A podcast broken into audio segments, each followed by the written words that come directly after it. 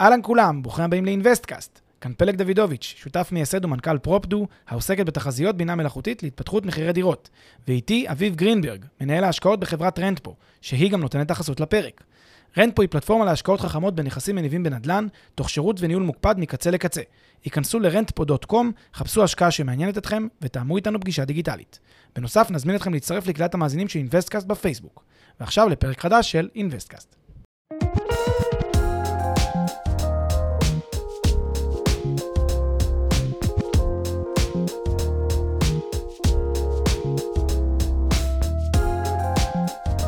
אהלן פלג, היי, אביב, מה העניינים? מעולה, מה המצב? פעמיים בשבוע, פעמיים. כי טוב, היינו ביום ראשון, עכשיו חמישי.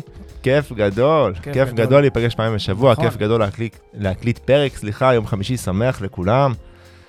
נתחיל לדבר, שנייה לפני שנדבר, נדבר על הכנס שאנחנו מרימים. אז בגלל ההצלחה של הכנס הקודם, ובגלל שקיבלנו אה, כמה בקשות מהרבה אנשים להרים עוד כנס, אנשים שפספסו את הכנס הקודם, אנחנו מרימים עוד כנס על פולין. פולין, השוק הפולני, הכלכלה הפולנית, ניתוח השוק הפולני, מה קורה עם הנדל"ן בפולין. מתי זה קורה? ב-29 ליולי, עוד שבועיים, יום חמישי, בשעה שמונה בערב. ניתן את כל הפרטים בקבוצת הפייסבוק של אינוויסטקאסט, ונראה אתכם שם. מומלץ, מומלץ. אני חייב להגיד ששוב, אין הנחתום מעיד על עיסתו, אבל הכנסים שלנו מיועדים לתת ערך לאנשים ולתת ידע. אנחנו נתחיל שם שווקים, נתחיל שם את ורשה, נתחיל את לודג', ממש ניתוח מעמיק. אז uh, כמובן מי שמחפשים הזד- הזדמנות השקעה מקומם שם בכנס הזה, אבל גם מי שסתם באים ללמוד, רוצים ללמוד קצת על איך אנחנו חושבים ואיך חושבים uh, על uh, השוק הפולני. וגם איך מנתחים שוק. איך מנתחים שוק, זו הזדמנות נפלאה, אז תירשמו, תצטרפו לכנס, נשמח לראות אתכם שם. יס, נראה אתכם בעוד שבועיים. יאללה, בוא נתחיל, פרק 136. כן, מספר עצום. על מה מדברים היום? אנחנו היום מדברים על בעצם שאלה שאני חושב שהרבה אנשים, אה, אתה יודע, נמשכים לנדל"ן בגללה, וזה איך מתעשרים בנדל"ן. Yes. כי אנשים אומרים, אתה יודע, יש את האנשים האלה שהם עשירים כקורח, והם נדל"ניסטים בבסיס שלהם. איך זה קרה? כאילו, איך אני נהיה עשיר מהדבר הזה שנקרא נדל"ן? הרבה ספרים נכתבו בנושא. המון ספרים נכתבו, ואנחנו בפרק הזה ננסה להסביר. ננסה להסביר שנייה את העניין הזה של איך, איך להפוך להיות עשירים בעקבות נדל"ן, האם זה בכלל אפשרי, כמו שחושבים? אולי כן, אולי לא. ואם זה אפשרי, באיזה מצבים, ובאיזה מצבים זה פשוט לא אפשרי. נדבר על זה. ובמה זה כרוך, למה זה בעיקר. קורה, בהחלט. יאללה, אז בוא, בוא נתחיל. אנחנו, איך שראינו את זה, יש אה, שני מסלולים, נקרא לזה, לכל מה שקשור להתעסקות עם נדל"ן. נכון, ממש כך. יש את העיסוק הפסיבי ויש את העיסוק האקטיבי. העיסוק ההשקעתי והעיסוק היזמי. בסדר? העיסוק הפסיבי, ההשקעתי, זה עיסוק ש-by definition, בהגדרה שלו, לא יהפוך אתכם לעשירים. זאת אומרת, בסדר? רק... מזה. כאילו, אתם יכולים להיות, אה, שוב, חשוב להגיד, יש בקרבנו יזמי אה, tech ויזמים בתחום ה infrastructure ויזמים בתחום ה... אני לא יודע מה, כל אחד והתחום שלו. אם יש לכם חברה או עסק או פעילות בתחום אחר ואתם גם משקיעים פסיביים בנ- בנדל"ן, אתם יכולים להיות יופי של עשירים מהתחום פעילות הרגיל. אבל מהנדל"ן עצמו, אתם לא תתעשרו אם אתם תהיו משקיעים פסיביים. ההתעשרות עצמה זה לא ה... ה- זאת אומרת, זה, בוא נגיד, זה, אולי יש איזה מישהו שבאופן מקרה, אבל הרוב המוחלט, כמעט, כמעט, כמעט אה, אה, סופי של האנשים, לא יכולים להתעשר מהשקעות פסיביות בנדל"ן, פשוט בגלל שהשקעות פסיביות בנדל"ן, התשואות וה, והמספרים הם פשוט כאלה שהם צמיחה יותר איטית, זה השקעה יותר סולידית, זה, לאורך, זה נבנה לאורך זמן. גם מי שהולך למסלול ההשקעתי פסיבי בהשקעות יזמיות, הוא הולך למקום מורכב מאוד, שבסטטיסטיקה היא לרעתו מאוד, והוא בטח לא יכול להתעשר מזה, בטח לא לאורך זמן. הוא יצליח אולי עסקה 2-3 עד שזה ייעצר, אה, אז בוא נגיד, אם אתם הולכים למסלול הפסיבי, לא ניתן להתעשר בנדל"ן. אגב, דווקא לגבי המסלול האחרון שם, אתה הפסיבי, אבל... הפסיבי שאני אבל משקיע ש- במיזמים. אז צריך, צריך להגיד, אנחנו באמת קוראים המון כתבות בעיתון על כל מיני... אה, הנה, אה, אפילו הבוקר היינו שנינו- נכון, אה, על מקרים שבהם קרן מסוימת של השקעות בנדל"ן הבטיחה נתוני תשואה פסיכיים ביחס להשקעה פסיבית בנדל"ן, 19 אחוז, 18 אחוז, 16 אחוז תשואה שנתית, ובסוף, מה שקרה, היה מקרה אחד, שניים, שלושה, שבהם אפילו חלק גדול מהקרן אה, כולה. אה, נעלם. כולה ירדה לטמיון. אה, זה, וזה המקרה אחד, כאילו מאוד מאוד קיצוני, חד משמעית, זאת אומרת, במספרים כאלה אנחנו תמיד אומרים, אתם לא תוכלו, כמשקיעים פסיביים, מה שנקרא לנצח תמיד. זה לא, היה, זה תנסו- לא יעבוד לאורך זמן. בדיוק. אז אל מסוכן. תנסו להתעשר מהשקעות פסיביות בנדל"ן. תנסו להבין את היתרונות של השקעות פסיביות בנדל"ן כפסיביות, כיותר סולידיות. שוב, זה לא אומר שתלכו להשקעה של 1.25% תשואה כמו אג"ח של זה, אבל תלכו להשקעה שהיא השקעה יותר מעניינת בנדל"ן, שיכולה להניב 8, 7, 6, כאלה מספרים של אחוזי תשואה, זה אחלה. ללכת למקומות הגבוהים זה מבטיח, במספר, בעסקה החמישית-שישית הם כבר כנראה טיפלו. אה, ולכן, אם אתם מבינים, יודעים להכיל את הסולידיות של בנדל"ן, השקעה פסיבית זה מסלול מצוין, ואנחנו מעודדים אנשים להשקיע פסיבית בנדל"ן. שיהיה ברור, גם בישראל, גם בחו"ל, יש אפיקי השקעה נהדרים, פסיביים. לא מזה, אבל, תתעשרו במובן הפרק הזה. הפרק הזה מדבר על התעשרות, ואולי כדי לה- להבין שנייה מה זה התעשרות, כי אתה יודע, עשיר זה מי ששמח בחלקו. אנחנו מדברים פה על התעשרות שהיא התעשרות של מזוודות של דולרים, של מטוסים פרטיים, של מסעדות שף עד יומכם האחרון. על זה אנחנו מדברים, התעשרות ברמות הכי הכי גבוהות. billionaires או multi millionaires, שיושבים על מאות מיליונים, הדרך להגיע לשם היא לא בהשקעות פסיביות בנדל"ן. מי שלא הכיר את זה, אז breaking news. סבבה, אז אנחנו רוצים להיות עשירים, הבנו שבהשקעה פסיבית לא נגיע לשם. זה מותיר אותנו עם המסלול היזמי. אוקיי, תראה, המסלול היזמי זה בעצם המסלול העצמאי. בוא נקרא לזה, יזם הוא כאילו כל מישהו עצמאי לצורך העניין, הוא לא חייב להיות אה, פסיבי, הוא פשוט אקטיבי במה שהוא עושה. עכשיו, כאן צריך שנייה רגע להבין.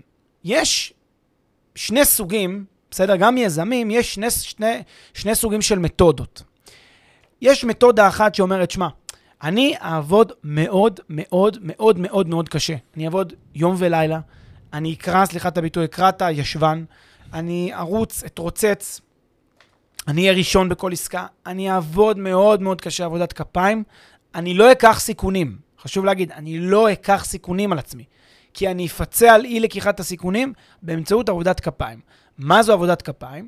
בואו ניקח רגע מתווך, כן, שזו דוגמה יפה בעיניי, מישהו שהוא עצמאי בנדל"ן, אפשר לקרוא לו יזם בנדל"ן, כי מתווך הוא, הוא יזם. למה הוא יזם? כי הוא החליט לא להיות שכיר, החליט ליזום, מקים משרד תיווך, פועל באופן עצמאי, הולך כותת רגליו עכשיו, מכתת רגליו. עכשיו, בואו נגיד שאנחנו מדברים על מתווך על חלל, מתווך ברמות הכי גבוהות שיש. זה מתווך כזה שקם ב-5 בבוקר, אחרי שהוא קרא את כל השכונה, עבר בית-בית, מכיר את כל השכנים, מתחבב על כל השכנים, הוא הראשון לכל עסקה בשכונה הזאת, בעיר הזאת. אין עסקה שלא עוברת דרכו. הוא יודע להביא חמש עסקאות בחודש. כי מדברים פה על מתווך מטורף. והחמש עסקאות האלה בחודש מביאות לו כל אחת עמלה של 50 אלף בחודש. הבן אדם סוגר את החודש עם 250 אלף שקל עמלות על התיווך שלו, שזה למעלה משניים וחצי, שלושה מיליון שקל בשנה של עמלות שהוא מקבל בזכות כל העבודה. שזה הצלחה. קיצונית. זה הצלחה יוצאת דופן בשוק התיווך. נדירים המתווכים העצמאים היחידים, כי יש הרבה שעובדים בלהקות. כשאתה עובד בלהקות, אתה תצליח להגיע לכזה מסה יפה, אתה תתחלק עם אנשים בעמלות. אני מדבר על מתווך יחיד שעובד לבד ומביא את התוצאות האלה, מאוד מאוד קשה. זה ממש הדובדבן שבקצפת של המתווכים. שימו לב כמה נשאר לו בסוף. אז הוא הכניס 50 אלף בחודש, בואו נוריד מע"מ, בואו נוריד מורים מה- 250 מס הכנסה. אה, הוא הכניס, אה, סליחה, הכניס 250 אלף שק- אה, 250 אלף שקל בחודש, בואו נוריד מע"מ, נוריד מס הכנסה, נשאר לו בערך 100-150 אלף שקל. שזה מדהים, זה מטורף. 100-150 אלף שקל זה משכורת של מנכ"ל בנק, בסדר? קודם כל, שוב, אנחנו עוד פעם אומרים, מאוד עד, מאוד עד כמעט בלתי אפשרי להגיע לשם, אבל מתווך סופר מוכשר. האם הבן אדם הזה הוא עשיר במובנים שהרגע אמרנו של מטוסים פרטיים וחי את החלום וקונה מלונות בווגאס? תשובה, כנראה שלא. זה לא יספיק. זה יספיק לחיות ברמת חיים סופר דופר גבוהה. אגב, במציאות הישראלית, לא עכשיו, אה, בואו, זה גם לא ייתן לו אה, אה, דירה, אה, של... אה, אה, קומה שלמה, 360 מעלות אה, מול הים ב- ב- ביפו, זה כנראה לא יספיק לזה. זה יספיק לו לקנות דירה, להיות, לחיות חיים עשירים מאוד, טובים מאוד בישראל. אחלה, הכל בסדר, אנחנו לא דואגים לו, אבל זה לא המספרים של, של עכשיו אה, מטוסים פרטיים כאמור. זה לא הדרך להיות, להתעשר. עכשיו, שוב אנחנו אומרים, מתוך כל המתווכים והעצמאים והיזמים הקטנים וכל מי שיוצא לדרך, כדי להיות זה שמגיע לק- לק- לקצה, הפסגה שהרגע דיברתי עליה, זה שמגיע ל-250 אלף שקל הכנסה בחודש, אני צריך uh, להיות אחד מתוך 7,000 או משהו כזה. זה כאילו, זה, זה פסיכי, זה סיכויים מאוד מאוד נמוכים. קשה מאוד לעשות את זה. אה, נכון, יש גם, ב, ודיברנו על זה גם לפני השידור, אה, שנגיד בהוליווד יש מתווכים שיושבים על, אתה יודע, על כל העסקאות של הבברלי הילס וכל העסקאות של, של אה, מליבו, שהם, אתה יודע, נכסים של עשרות מיליוני דולרים נכס, והעמלה שם יכולה להיות גם ל-5-6% עמלה. כן, הם יכולים להיות, אתה יודע, מולטי מיליונרס מעסקאות נדל"ן. אבל זה מאוד מאוד מעטים בשוק, של, בשוק ארצות הברית של 400 מיליון תושבים, זה, זה, זה מאוד קשה להיות, אה, להיות אותו, אותם, אה, לא יודע מה, עשרה, וגם בישראל, עשרים, אה, בישראל אין. כמעט שוק כזה. אבל בוא, בוא נדבר... קצת בהרצליה הפיתוח, סביון, שמריהו, זה מקומות טיפה יותר, אבל גם, כמה כבר עסקאות יש שם? בדיוק. כמה כבר עסקאות יש שם? בוא ניתן דוגמה דווקא מתחום של, של יזמות בפיתוח נדל"ן. זאת אומרת, כן. בוא ניקח יזם, כמו שאתה אומר, עדיין ב... ב בקטגוריה הזאת, זאת אומרת, של יזם שעכשיו העמל, לא רוצה... של עבודת כפיים. ש, כן, בדיוק, אמל כפיו, אה, שלא רוצה אה, לקחת סיכונים, אז הוא, הוא יעבוד, לצורך העניין, יקים צוות קטן, יש, ישלים את הפרויקטים שהצוות הזה משלים, לא יודע, פרויקט אחד, שניים, שלושה בשנה, נכון? נגיד שיפוץ של דירה, אה, זה שיפוץ קונה של איזה... בנייה, או בנייה, כן, בנייה של וילה כזאת, בנייה של וילה, או. בנייה של איזה בניין קטן, בנייה רוויה של ארבע דירות. אז איזה רווח הוא יכול לצפות? זאת אומרת, מסדר גודל כזה של פרויקטים, שוב, השאלה אם זה מגיע לרמות עושר שאנחנו מדברים עליהן, או שצריך אה, אז משהו בואו נעשה את החשבון על שיפוץ של דירה ועל עסקאות כאלה קטנות של פה ושם כמה דירות שהוא מצליח אה, לעבוד ולסדר בשנה. תראה, ה-capacity של בן אדם כזה, עם צוות שבוא נגיד שני אנשי שיפוצים, אדריכל ו- ועוד כמה יועצים, ה-capacity שלו זה, בואו נהיה ריאליים, חמישה פרויקטים בשנה, זה נשמע לי די קשה, די מורכב להגיע לכזה היקף, כי כל פרויקט מצריך שאני אהיה שם אה, boots on the ground, מה שנקרא, אני צריך להיות שם כסף. בשטח, אני צריך זמן, כסף, אנרגיה, משאבים. דירה שמשפצים עכשיו, זה לא יכול אה, שהיא תשפץ את עצמה לבד, אני צריך להיות של, שם. עלויות של הצוות, עלויות של עלויות של החומרים, הצוות, אני עלויות של צריך הבנייה. להיות פיזית להיות נורא. זאת אומרת, אני יכול, נגיד, לגלגל חמש, שש עסקאות כאלה בשנה. כמה הרווח של אחד כזה כבר בעסקה? כאילו, כמה כבר הרווח? נגיד, רוב הרווח הולך לבעל הקרקע, זה שהזמין את השירות. אני, כמי שהיזם של הדבר הזה, או מי שמתכלל את הדבר הזה, לוקח את החלק שלי, כמה עשרות, לא יודע, מאות בודדות של אלפי שקלים מעסקה כזאת, אז שוב, אז אני מגיע בסוף לכמה מאות אלפי שקלים, ואם אני ממש, אתה יודע, יסודי, עובד הכי מסודר בעולם, הכי טוב בעולם, הכי משקיע, אני קם בחמש בבוקר, שוב, קורע את הישבן. במשך כל השנה אני מצליח להביא, שוב, 100-150 אלף שקל הכנסה בחודש, שזה, שוב, זה מאוד מאוד נדיר אה, כעצמאי להביא דבר כזה, באופן עקבי, עם deal flow רציף לתקופה ארוכה, זה הסכום. עוד פעם, בואו נעשה את הנטו ממע"מ, נטו ממיסים. שוב, נשאר עם 100 אלף שקל אה, נטו שיש לי בחודש, מלא זה כסף, אחלה, צריך להגיד. אחלה באחלה, לא מטוסים פרטיים, שוב. לא, לא רמה של פרטיים. התעשרות. מה אנחנו מנסים להגיד בנקודה הזאת? שכדי להתעשר, לא מספיק להיות עמל, אה, איש עבודה, קם עם צאת החמה, אה, כאילו, אה, אתה יודע, כאילו, כל התזה הזאת של צריך להיות נורא נורא נורא נורא משקיע, נורא נורא יסודי וגם ישר והגון, לא מספיק כדי להיות עשיר כקורח. זה פשוט לא מספיק. כדי להיות עשיר כקורח, אם זו המטרה של מי מהמאזינים שלנו, לא בטוח שזאת המטרה הנכונה, ואולי גם נדבר על זה בסוף, אבל אם זו המטרה של מי מכם, גם מזה לא תבוא הישועה. זה יכול להיות אחלה מקור הכנסה אם אתם מצוינים בזה.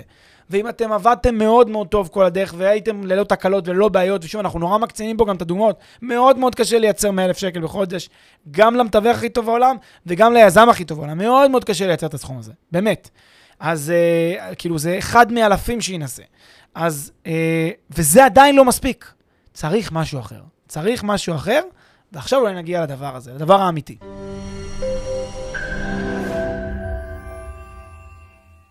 לפני שנמשיך, כמה שניות מזמנכם. הפרק בחסות רנטפו, פלטפורמת השקעות חכמות בנדל"ן עם האנשים שמאחורי אינוויסטקאסט. רנטפו מאפשרת לכם להשקיע בשקיפות וביעילות בנכסים מניבים, תוך ליווי וניהול מוקפד ומקצועי מקצה לקצה. היכנסו ל-rentpo.com, חפשו השקעה שמעניינת אתכם, ותאמו איתנו פגישה דיגיטלית.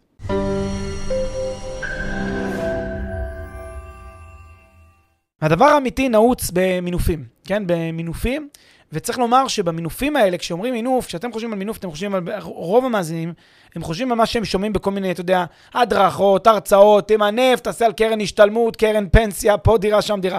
חבר'ה, זה לא הסקיילים האלה בכלל, זה לא קשור בכלל למינופים האלה. ברמות התעשרות כאלה. לא מדברים על זה בכלל. זה, הכוונה למינוף בהקשרים האלה, זה מינוף באופן פר, פרמדיאלי כזה, פונזי סקים כזה, מינוף על מינוף על מינוף, סדרה של חמישה אול-אינים בהיקש מתחום הפוקר.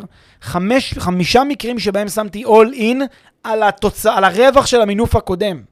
זאת אומרת, אני צריך לצלוח, סתם אני זורק מספר, חמישה שלבים שבהם מינפתי את החיים שלי, הייתי כל כולי אול-אין באיזושהי עסקה, הצלחתי, קיבלתי את הרווח, ואת כל הרווח שקיבלתי הכנסתי אול-אין עוד פעם לתוך עסקה, הצלחתי שוב, שאתם, אתם צריכים להבין שסטטיסטית זה מאוד מאוד קשה להצליח את הראשון.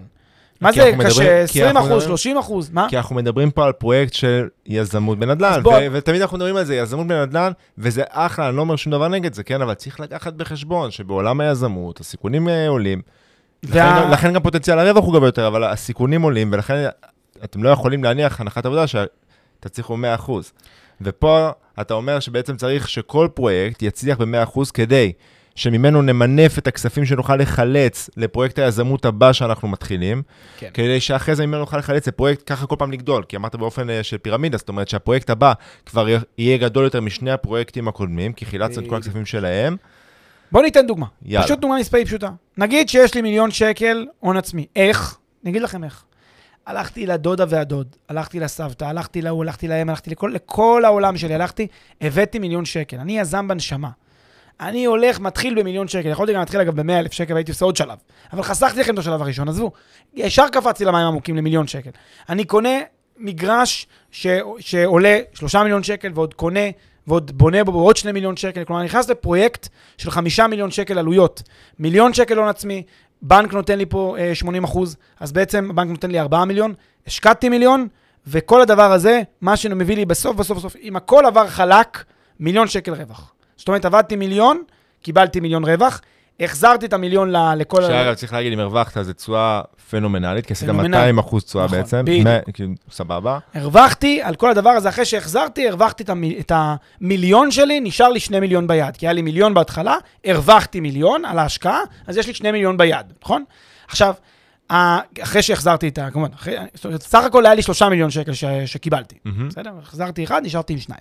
עכשיו, שימו לב מה קרה, הכפלתי את ההון העצמי שלי ממיליון לשני מיליון, זה הרווח שלי. עכשיו, רק תשימו לב משהו קטן. אם העלויות היו לא כמו שתכננתי, אה, איפה ה- הרי הבעיות במיזמים? למה היזמים אוכלים אותה הרבה פעמים במיזמים, ולמה יש בעיות? כי כל הגורמים בדרך הם גורמי חוב ברוב המקרים. יש את הדודה והדודה, בני משפחה, friends and family וכל השאר. יש את הבנק, הבנק. שאיתו אני לא מתעסק. יש עוד ועוד אנשים שכולם נתתי, נתתי, נתנו לי הלוואה עד שהשאירו לי את המיליון. הם אני צריך להחזיר להם, בסדר? אם אני רוצה ללכת בפסח לשבת עם הדודה לצחוקים, אין צחוקים, אני לא מחזיר לה. אז אני צריך להחזיר לה. אם העלויות של הפרויקט היו קצת יותר יקרות, אני, אני סופג את זה, מה, מהמיליון רווח שלי. אגב, הדודה, בהקבלה לעולם העסקי, כנראה, מתי שאתה לוקח מהדודה ואתה לוקח משחקנים בשוק, חכה, אנחנו מגיעים לפה. חכה. אח- אני רק אומר שאתה שחקן חוזר, כלומר. שפעם אחת אתה לא מחזיר, אף אחד כבר לא ייתן אף אחד כבר לא. ייתן. אז אני, כבר אנחנו מגיעים לשלב הבא של המינוף. אוקיי. אבל שנייה, רק שתבינו, מינפתי בהתחלה על חשבון דודה ודוד, כדי להביא את המיליון. היה לי נגיד איזה 200 אלף שקל הון עצמי משלי, ועוד 800 אלף שקל מכל מיני חברים. החזרתי להם את המיליון. אגב, גם התעלמתי פה מריבית וזה, עזבו, נגיד החזרתי להם את המיליון. החזרתי לבנק את חלקו. אם היה עלויות עודפות בפרויקט הזה, עלויות שיפוץ, עלויות בנייה, בלאגנים, אגרות, דברים כאלה, פתאום איזה מס שלא חשבתי עליו, כל הדברים האלה אוכלים לי מהרווח, צריך להבין, ולכן אם כל הרווח שלי בפרויקט הזה היה מיליון, והיו פתאום עוד עלויות שהתווספו 300 אלף, אז כל הרווח שלי הצטמק ל-700 אלף, סבבה? אז מבינים את, מבינים את החישוב, יפה. אז לקחתי, נגיד הכל עבר חלק, לקחתי את המיליון, הגדלתי אותם לשני מיליון. אז עכשיו יש לי שני מיליון. מה עושה יזם? יזם, הוא לא עוצר כשיש לו עוד מיליון. יזם, מה שהוא אומר, הוא אומר, רגע, רגע, רגע, ר- רע כי טוב. בסדר? הוא יכול לעצור במיליון הזה, ואז הכל בסדר, כאילו, ימשיך, ימשיך את חייו. זה מה שאמרתי לכם קודם, ה-100 אלף שקל האלה בשנה. הוא יכול. והוא לא יעצור במיליון. כי מה הוא יעשה? הוא ייקח את המיליון האלה הנוספים שהוא הרוויח, ואז הוא יגיד, עכשיו יש לי כבר שני מיליון. את השני מיליון האלה, אני תוקע עכשיו בפרויקט חדש. אז עכשיו הוא משקיע שני מיליון שקל, מביא מבנק 8 מיליון. אחוז. בסדר? מביא 8 מיליון מהבנק, כדי שיהיה לו 10 מיליון שקל עכשיו הון להיכנס בו. כלומר, כל פי 2. ונכנס עוד פעם לפרויקט מטורף. ועכשיו הוא רוצה לצפות לקבל עוד 2 מיליון על ה-2 מיליון שהיו לו, כלומר לגדול ל-4, או לגדול אפילו ל-5 או לגדול ל-8, לא משנה מה התשואות שהוא רואה פה. ולכן הוא מכניס את הכסף הזה עוד עכשיו. נגיד שגם את השלב הזה הוא צלח. ועוד פעם אני מזכיר לכם, יש לו עלויות עודפות, זה אוכל לו מהרווח של השני מיליון שהוא צופה לקבל. לכן זה נוגס לו בזה. בכל מקרה, נגיד הוא עבר גם את השלב הזה, הוא נכנס לשלב השלישי. עכשיו יש לו כבר אה, 8 מיליון, או כבר לא זוכר כבר כמה יש לו. 10 מיליון. 10 מיליון נגיד יש לו רווח. אה, לא, אותם- רווח 8 מיליון, סליחה. נגיד, לא משנה, 8 מיליון רווח, את ה-8 מיליון עכשיו הוא תוקע בפנים. כלומר, תבינו שהבן אדם הזה צריך לעשות רן של עסקה ראשונה שהוא שם את המיליון, אחר כך 2 מיליון, אחר כך 4 מיליון, אחר כך 8 מיליון, אחר כך 15 מיליון, אחר כך 40 מיליון. וכל פעם מחדש, את הרווח שיש לו, קצת הוא משלם לעצמו משכורת. אגב, יזמים בדרך כלל משלמים לעצמם משכורות נמוכות בהתחלה. כלומר, הם לא חיים פה עכשיו בלוקסוס, כי הם צריכים את הכסף הזה כדי לקיים את העסק שלהם. אז לכן הוא קצת מקבל משכורת, קצת, הוא עושה אקזיט קטנטן, כמה עשרות אלפי שקלים מכל עסקה כזאת, האקזיט שלו, רק כדי שיהיה לו מה להאכיל את הילדים. מגיע בסוף ל- ל- לעסקה השישית, יכול להיות שהעסקה השישית כולה, מישהו עקץ אותו, היא נפלה, כל העבודה שלו הייתה לחינם. צריך להבין שאם הוא נפל בעסקה השישית, שם את ה-40 מיליון שקל האלה, ואיכשהו הייתה איזושהי בעיה עם הקרקע וזה הסתבך, הכל ירד לטמיון. בכל אחד מהשלבים האלה, הכל יכול לרדת לטמיון. הכל.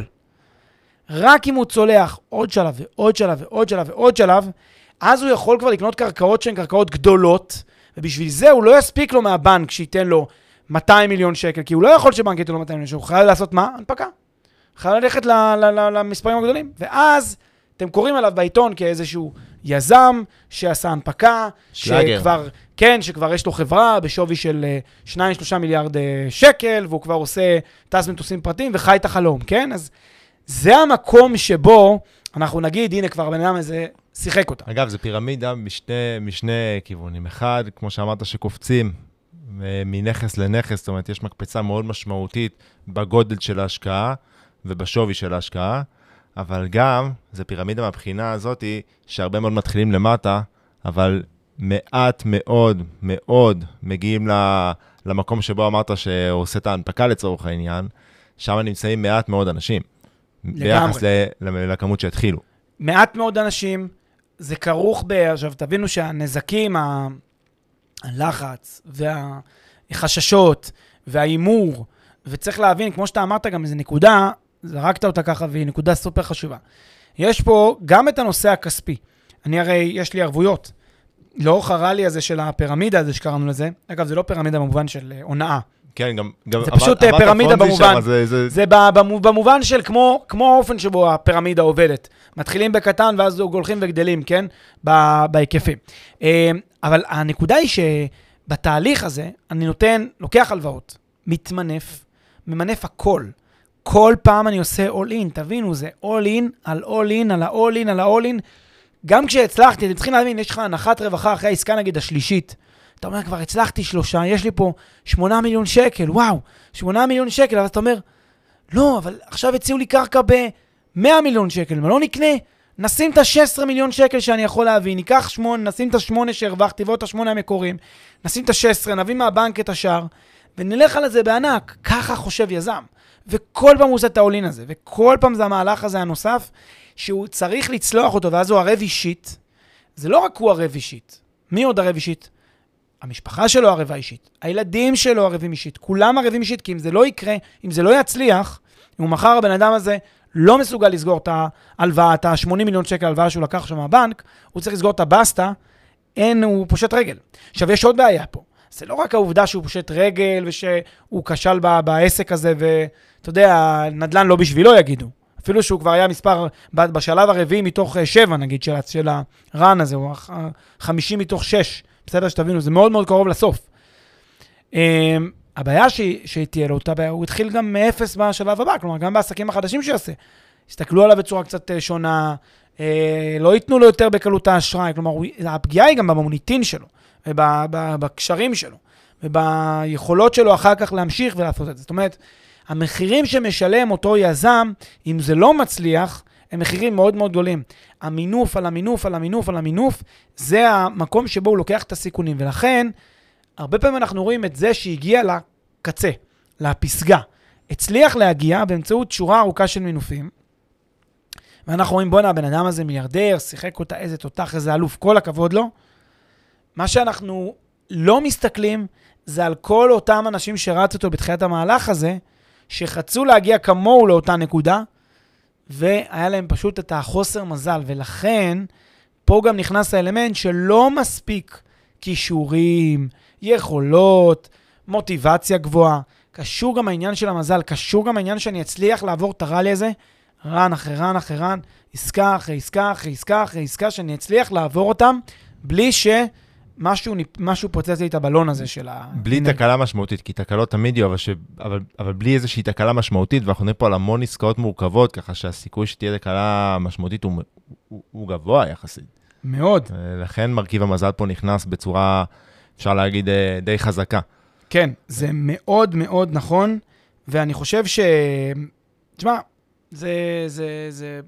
קשה לאנשים לפעמים להבין, כי אנשים מסתכלים הרבה פעמים, ואני רואה את זה המון גם בעולם הטק, וזה, כי זה די דומה, רק שזה, בעולם ה tech זה פחות על מינופים ויותר על, אה, יותר על אה, השקעות הון, השקעות equity. השקעות הון סיכון. אבל זה אותו דבר, בגדול זה אותו דבר, כי זה בסוף אותו סיפור. אני רואה הרבה מאוד פעמים אנשים שמסתכלים כאילו על, על איזושהי הצלחה של חברת tech ושל היזמים שלה, ומנסים להסיק מזה משהו על הסיכויי הצלחה. כאילו, אתה יודע, אם אתה מסתכל בעיתון, זה נוצר הרושם כאילו כולם מצליחים. אתה רואה הנפקה של חברה, וואו, בואנה, איזה, כמה כסף הם עשו. כן. אז כאילו, אתה אומר, כולם מצליחים. אתה יודע, יש נטייה שהצלחות מדווחים, כישלונות לא מדווחים. אלא אם כן זה כישלון שכרוך בתביעות, כמו שיש לפעמים של קרנות השקעה בנדל"ן, שזה הרבה פעמים כרוך בתביעות. אבל אם אין תביעות ואין בלאגן שהולך לעיתונות, אז, אה, אז אה, אתה יודע, אז אנחנו נמצאים בנקודה שהיא בסוף אה, מוטה, כאילו השוק מוטה ל, ל, ל, ל, להצלחה הנחזית. יש, של ה...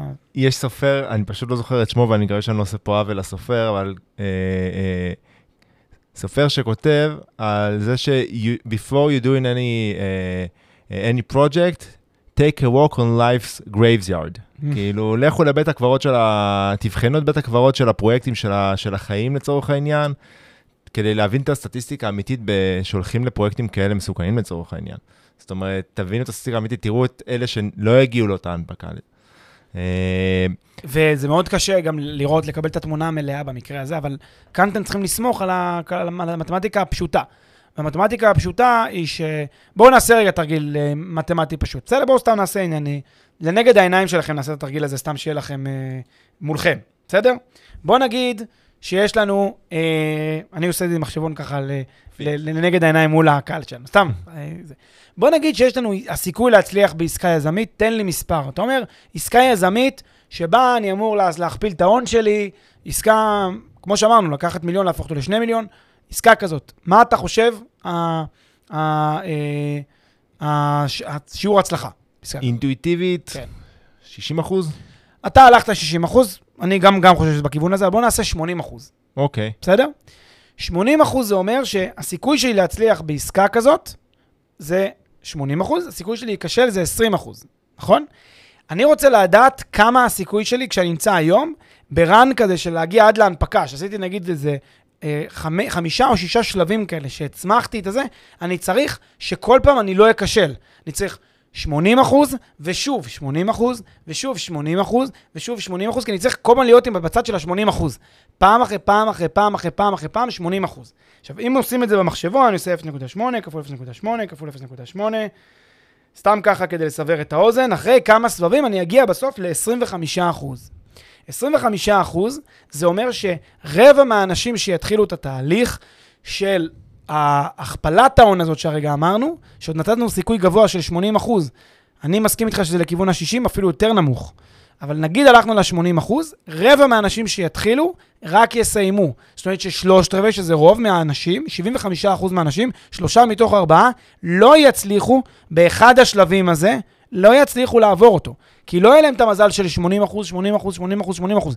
כמובן שאם אתם מתחילים ממספר נמוך יותר, 60 אחוז, אתם תגיעו למספרים הזויים פה. לא, אני חושב, גם, גם לא בהכרח מספיק רק חמישה סבבים כדי להגיע למקום נכון, מיוחד, אם תשלים סכום 20. יותר נמוך. צריך 20 אז שלבים, בכלל- ועוד עסקה, ועוד עכשיו, עסקה. אפשר להקשות, אבל אני, אני גם אענה את התשובה על זה, אפשר להקשות ולהגיד, הרי הסיכויים של, של יזם הייטק הם יותר נמוכים אפילו, ולשרוד את כל הסבבים עד שלהגיד, גם על זה דיברנו הרי היום מוקדם יותר, עד שהוא מגיע לה, להנפקה.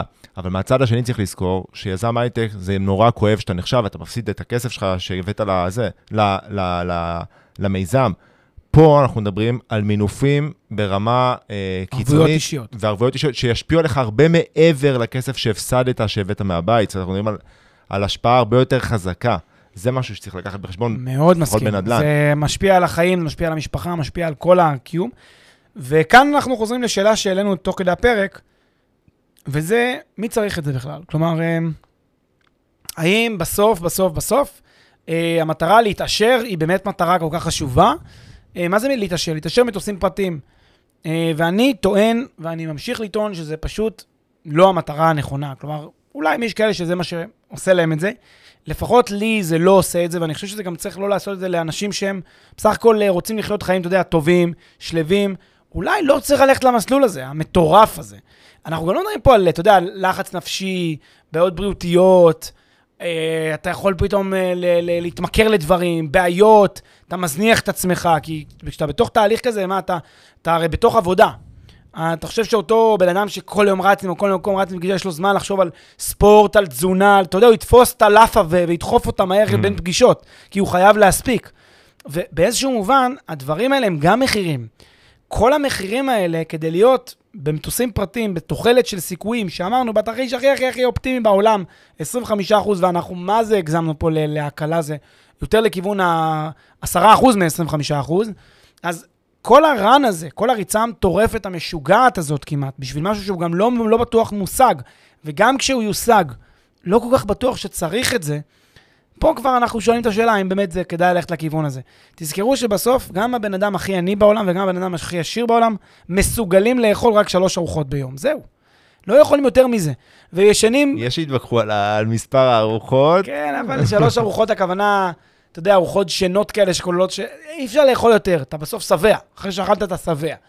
ומטוסים פרטיים וכל הדברים האלה זה נחמד, אבל בסוף יש חיים. בסוף יש בני אדם. בני אדם זה לא מטוסים פרטיים, בני אדם זה התחושות שלהם, ההרגשות שלהם, אתה יכול לטוס יופי של מטוסים פרטיים, להיות מתוסכל על החיים שלך, זה לא קשור למטוס הפרטי שאתה טס בו. לכן, אנחנו בכלל בגישה של ההתעשרות הזאת, מסלול ההתעשרות הזה, זה כאילו נורא נחמד בתור פנטזיה, זה לא מסלול חיים בריא, לא מסלול חיים טוב, לא בהכרח כדאי לשאוף אליו, כל אחד צריך לראות אם זה מתאים לו.